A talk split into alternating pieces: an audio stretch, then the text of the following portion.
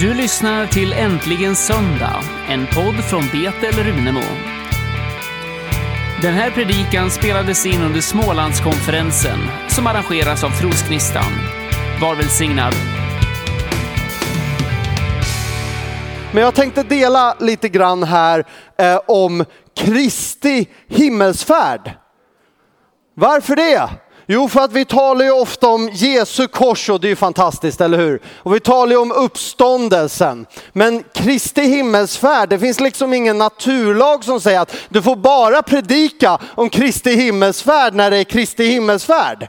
Eller hur? Utan Kristi himmelsvärld handlar om Jesus och därför får man predika om det även på en sommarkonferens så här. Eh, så jag vill att du följer med mig till Lukas 24 och vers 50. Och eh, jag kommer köra på novellan så här, förlåt dig som tolkar men du, du får bara liksom göra det bästa. Eh, och så litar vi på Gud eh, över resten. Eh, och jag, eh, igår var Dan, vad heter det, Hans Weissbroth här och predikade och han körde på novella så jag sa jag har inte haft så svårt att tolka så jag tolkar Ulf Ekman eh, som det var att tolka dig. Eh, men, men, men, nu kommer vi köra på här och vi, vi ser här i vers 50 så står det sedan förde han dem ut till Betania och han lyfte sina händer och välsignade dem. Och medans han välsignade dem så lämnade han dem och lyftes upp till himmelen. De tillbad honom och vände tillbaka till Jerusalem i stor glädje och det var ständigt i templet och prisade Gud. Alltså det här var att Jesus Kristus, människosonen, lyfte sina händer inför dessa människor, dessa lärjungar. Och det här var inte bara någon så här som vi hade gjort så här, mm, önskar dig allt gott. Mm, ha det så bra tills nästa gång. Åh, puss och kram så ses och hörs vi. Nej, det här var Jesus Kristus, den uppståndne Messias, människosonen själv som bara sträckte upp sina händer och började välsigna lärjungarna där. Kan du tänka dig hur det var att stå där inför människosonen? Du kan bara resa dig upp lite snabbt just nu. Bara res dig upp på dina fötter. Och kan du bara tänka dig hur det var att stå inför människosonen och så började han välsigna dem och så började det komma liksom en enorm härlighet het över lärjungarna. Och så börjar det bara komma en enorm eld över lärjungarna, en enorm kraft över lärjungarna. Tänk er människosonen själv står och sträcker sina händer mot dem. Alltså det är det närmsta vi har varit med om en öppen portal från himlen som bara öste över lärjungarna på ett mäktigt och härligt och smort sätt. Och han bara körde på där Jesus och bad och välsignade och bad och välsignade dem och stod och välsignade dem med uppsträckta handar, händer. Och helt plötsligt så gick det från härlighet till härlighet, till härlighet, till härlighet, till härlighet. Och så vart det så enorm närvaro och så otroligt starkt där att de började se hur helt plötsligt lyfte han ifrån marken och han började lätta ifrån marken. Och de började se hur han lyfter ju just nu och det måste ha blivit starkare och och starkare och många av dem måste ha börjat knäböja. Många av dem måste börjat prisa. Många av dem måste ha börjat ära för det står att de börjat tillbe honom. Varför då? Jo, för de började inse, han är ju Gud, halleluja. Han är ju Guds son, det är ju människosonen. Och så börjar de prisa och ära och tillbe honom och så ser de honom stiga upp till himmelen. Och wow, inte konstigt att det står att de gick tillbaks till templet och hade glädje. Vem hade inte haft glädje? Du kan sitta efter ett sånt möte. Oj, oj, oj, oj, kommer du ihåg när Gud mötte dig på det sättet? Kommer du ihåg när Guds härlighet bara kom och rörde vid dig? De visste att från och med den här dagen skulle de aldrig någonsin möta honom på det sättet som de hade mött honom hittills. De skulle inte längre kunna gå, känna vid honom, tala med honom på det sättet i köttet som de hade gjort innan. Utan nu visste de att de skulle vänta in den heliga ande som skulle likna honom. Och vart gick Jesus någonstans? Jo, du kan gå till Daniel 7 och vers 10. Så ska vi läsa lite grann i Daniels bok. I Daniels bok vers 7, eller kapitel 7 och vers 10 så står det först här om Gud och hans tron och då står det en ström av eld flöda och gick ut från honom. Tusen gånger tusen tjänade honom och tiotusen gånger tiotusen stod inför honom. Han satte sig ner för att döma och böcker öppnades. Sen kan du läsa från vers 13 där det står, i min syn om natten så såg jag och se, en som liknade en människoson kom med himlens skyar. Han närmade sig den gamle och fördes fram inför honom. Åt honom gavs makt, ära, rike och alla folk och stammar och språk ska tjäna honom. Hans välde är ett evigt välde som inte ska ta slut och hans rike ska inte förstöras. Vi kan även läsa vers 27, men riket, väldet och makten över alla riken under himlen ska ges åt det folk som är den högtes heliga. Hans rike är ett evigt rike och alla välden ska tjäna och lyda det. Kan du säga halleluja? Du vet att du svimmar inte av att säga halleluja ibland. Du blir salig av att säga halleluja ibland, eller hur? Halleluja, tack Jesus när vi läser sådana här verser. Halleluja betyder ju prisad vare Herren, vi måste säga det ordet ibland. Och vad var det de såg då? Jo, för tänk då när, när, när, när Jesus alltså klev upp där, när han, när han började liksom flyga, när han började lätta, när han började kliva upp. De ser himlen öppnas och de ser, tänk det här var judiska män som i sin uppväxt hade läst Torah och läst Daniels bok om hur människosonen, vad då, skulle alltså komma inför den gamla utav dagar.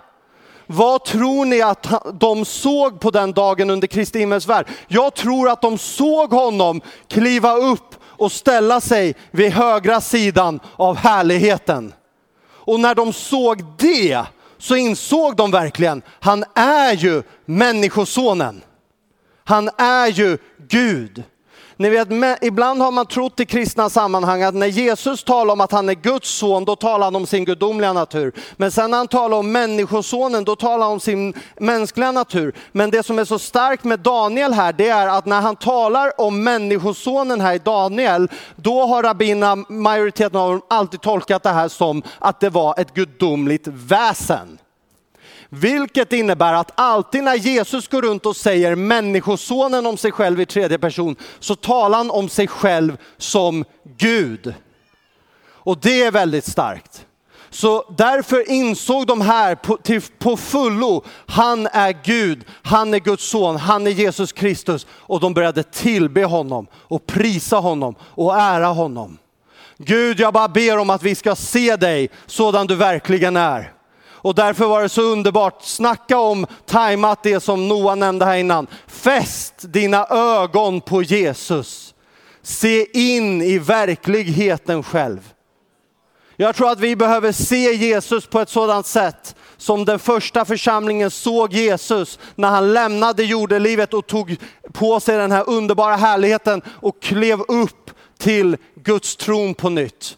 När vi börjar se honom på det sättet så kommer vi få en ny kärlek för Jesus. Amen. Amen. Och sen så går de där och de är glada och går i templet och i synagogan säkert och de jublar. Men sen så försvinner lite frimodighet. Varför det? Jo, för att Jesus hade lämnat jorden och han hade inte givit dem dopet i den heliga anden. Därför står det att när de satt på övre salen så var de i bön och de var rädda för att judarna skulle förfölja dem, alltså eh, fariséerna och de andra förföljde dem. Därför hade de inte klivit ut i den här frimodigheten än. Så den här alltså glädjen och saligheten de hade fått från Kristi himmelsfärd, den började lite rinna av och så började de dra sig tillbaks och låsa dörrar lite grann. Och, och, och så ska man inte vara ute och mötas med människor riktigt än och de väntar och sen så gör de en väldigt bra sak. Ska man vänta då ska man åtminstone be, eller hur? Så de börjar be och så kommer de in i ett ackord till sist. Och då börjar det hända någonting väldigt, väldigt spännande. Då kommer vi in i andens dop.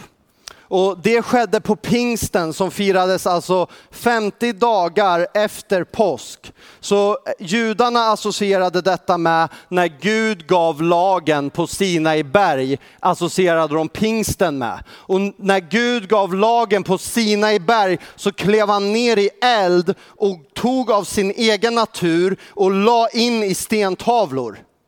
Nu skulle han på nytt kliva ner i eld, ta av sin egen natur sin lag, men inte lägga in i stentavlor, det vill säga något materiellt, utan lägga in i något organiskt, våra hjärtan. Det står jag ska lägga min lag i deras hjärtan och jag ska skriva den i deras sinnen. Så på ett liknande sätt som han klev ner på Sina i berget eld så var det nu dags för honom att kliva ner i eld här på jorden för att starta det nya förbundet. Samma lag i naturen istället för i något materiellt. Halleluja. Och vad är det som händer då? Jo, plötsligt så hörs en vind. Jag sa plötsligt hörs en vind. Plötsligt hörs en vind.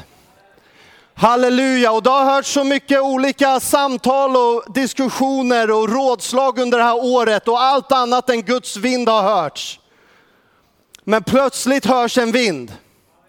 Och när den vinden blåser så kommer det bli, jag bara blev så uppmuntrad när jag hörde Birger tala profetiskt här i morse om att vi behöver en vind, vi behöver en storm som drar fram i dessa olika sammanhang och blåser rent från allt det som har smutsat ner.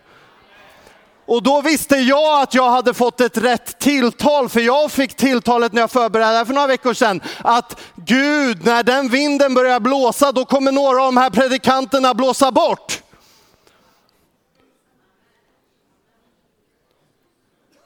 För det är inte din och min åsikt som driver dem på flykten. Dig och mig debatterar de med varje dag och två gånger på söndag.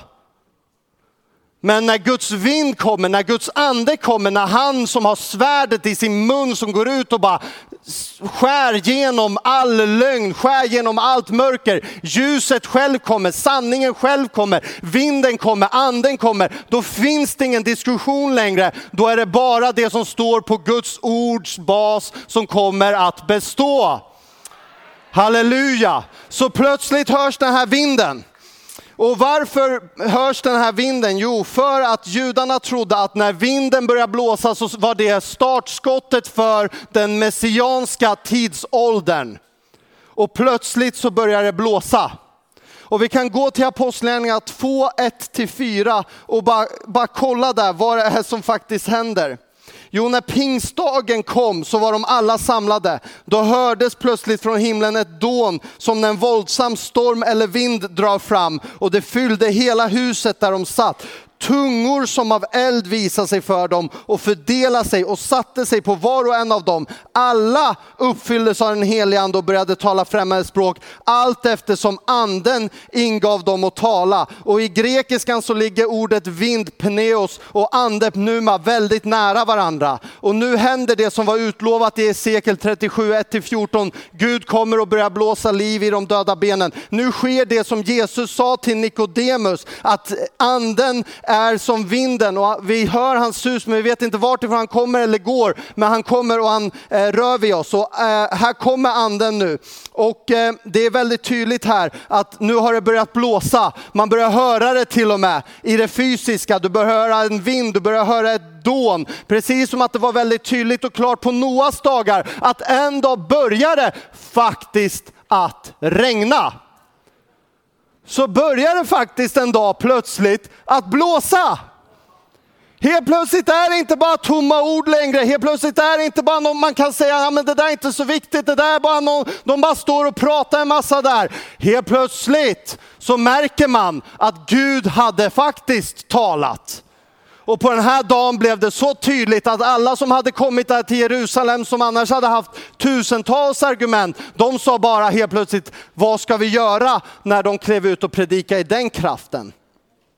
Och nu var det inte en vind ifrån nord eller syd, öst eller väst. Det står att det var ett dån, en vind från himmelen.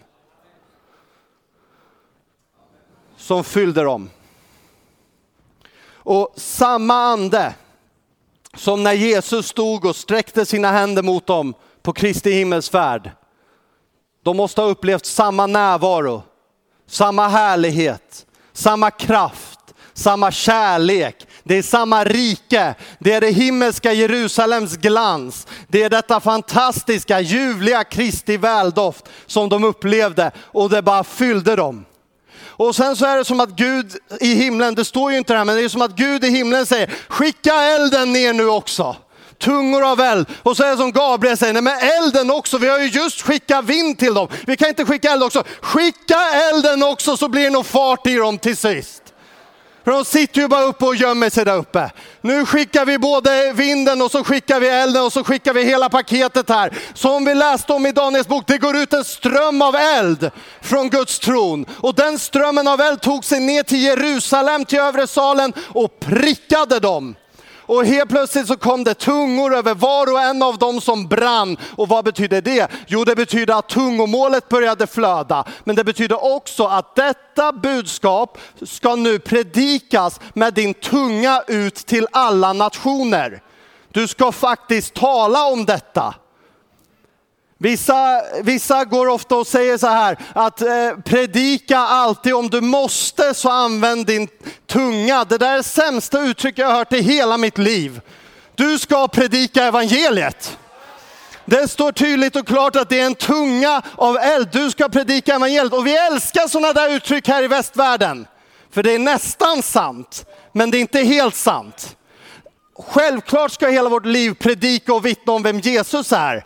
Men när vi hela tiden ger oss själva ursäkter för att nej men jag behöver inte i den här stunden predika evangeliet. Då är det inte Gud. Gud kommer aldrig tala ut dig från att tala evangeliet, tro mig. Han är ganska tydlig. När du ser den här eldstungan där, då är det ganska tydligt, eller hur? Att det är en tunga du ska tala. Antänd av den heliga ande, antänd av den brinnande tungan ska din tunga tala evangeliet om frälsning till mänskligheten. Halleluja. Halleluja. Hos ingen annan finns frälsningen. Inte heller finns det under himlen något annat namn givet till människan genom vilket de blir frälsta än i det namnet Jesus Kristus. Halleluja. Du ska predika evangeliet. Oj, oj, oj, oj. Så de, de möter Gud något så otroligt starkt här. Elden faller över dem. Den här gången hörde de inte det som om det var vinden. Den här gången såg deras ögon elden. Det var väldigt tydligt och klart. Och eld står för Guds renande närvaro. Den renande elden som bränner bort kötslighet och världslighet i våra liv. Jag behöver det här. Jag tror att du behöver det här. Vi behöver den här elden som fyller oss, där vi upplever Gud, rena mig, fyll mig, förvandla mig. Det är inte någon mindervärdeskomplex att jag kliver in i allt det här att jag går och, och, och, bara talar om hur synd jag är hela tiden. Nej, det handlar inte om det. Jag säger Jesus, du ser mitt hjärta. Du ser alltihop, du ser min själ, mitt liv. Rena mig Herre. Rena mig Herre, låt mig vara i denna underbara renande eld. För det står att han kommer. Men vem kan bestå när han visar sig?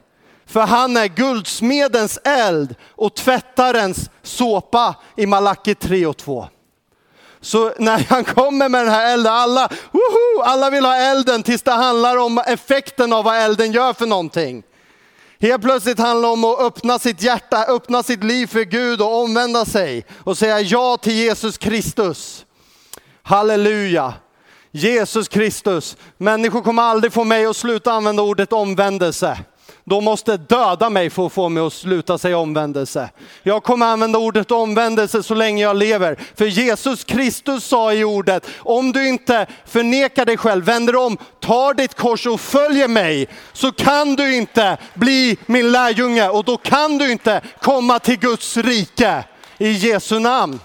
Halleluja. Tack Jesus Kristus. Det värsta hon kan göra det är att spika upp en på ett kors, men det har jag redan beräknat priset för.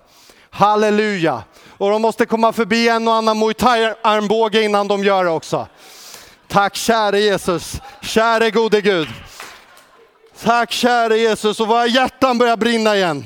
Åh Jesus Kristus, vi ska bara gå in i det här underbara flödet nu och nu ber jag bara min broder Per komma upp här också och ta mikrofonen. För nu ska vi ställa oss upp och resa oss upp här inför Gud och så ska vi få bara bli fyllda av denna eld som Gud har kallat oss till att leva i. Och så ska vi bara be, halleluja, det handlar inte om min smörjelse eller någon annans smörjelse, det handlar om Guds eld från himlen. Det handlar om Guds renande från himlen, Guds såpa från himlen som kommer och renar oss när vi vänder om till honom. Då renas vi i den helige ande, halleluja. Bara sträck dina händer upp till himlen så här och låt det bara vara som en tratt ovanför ditt huvud. Låt det bara vara som en tratt ovanför ditt huvud och bara låt Herrens ande bara fylla dig. Och jag bara upplever hur Herren fyller dig just nu med sin ande. Hur det kommer eld, hur det kommer en vind, hur det blåser rent, hur, hur du bara renas ifrån allt vad det är, ifrån lusta, orenhet, vad det nu må vara. Och han bara renar ditt hjärta och fyller dig med den helige Andes dop i ande och i eld. Johannes döparen sa om Jesus, han som kom efter mig ska döpa i den heliga ande och eld. Och jag tror att han bara döper dig just nu. Oh, Rambashanderedia, bara be ditt tungomål, bara be tungan, bara be tunga, bara be tungan, halleluja. Oh, Ramashanderedia, Gud vi bara tackar dig Herre. Oh Gud vi bara tackar dig Herre.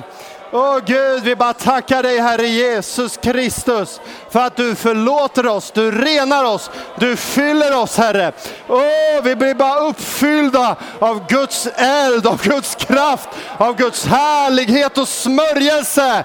Gud, vi bara tackar dig för en tid som denna. Så utrustar du oss Herre till att vara dina tjänare. Du gör oss frimodiga på ett liknande sätt som du gjorde med Petrus Herre, när han klev ut och sa så säger Herren Jesus Kristus. Åh, vi bara tackar dig Gud, halleluja.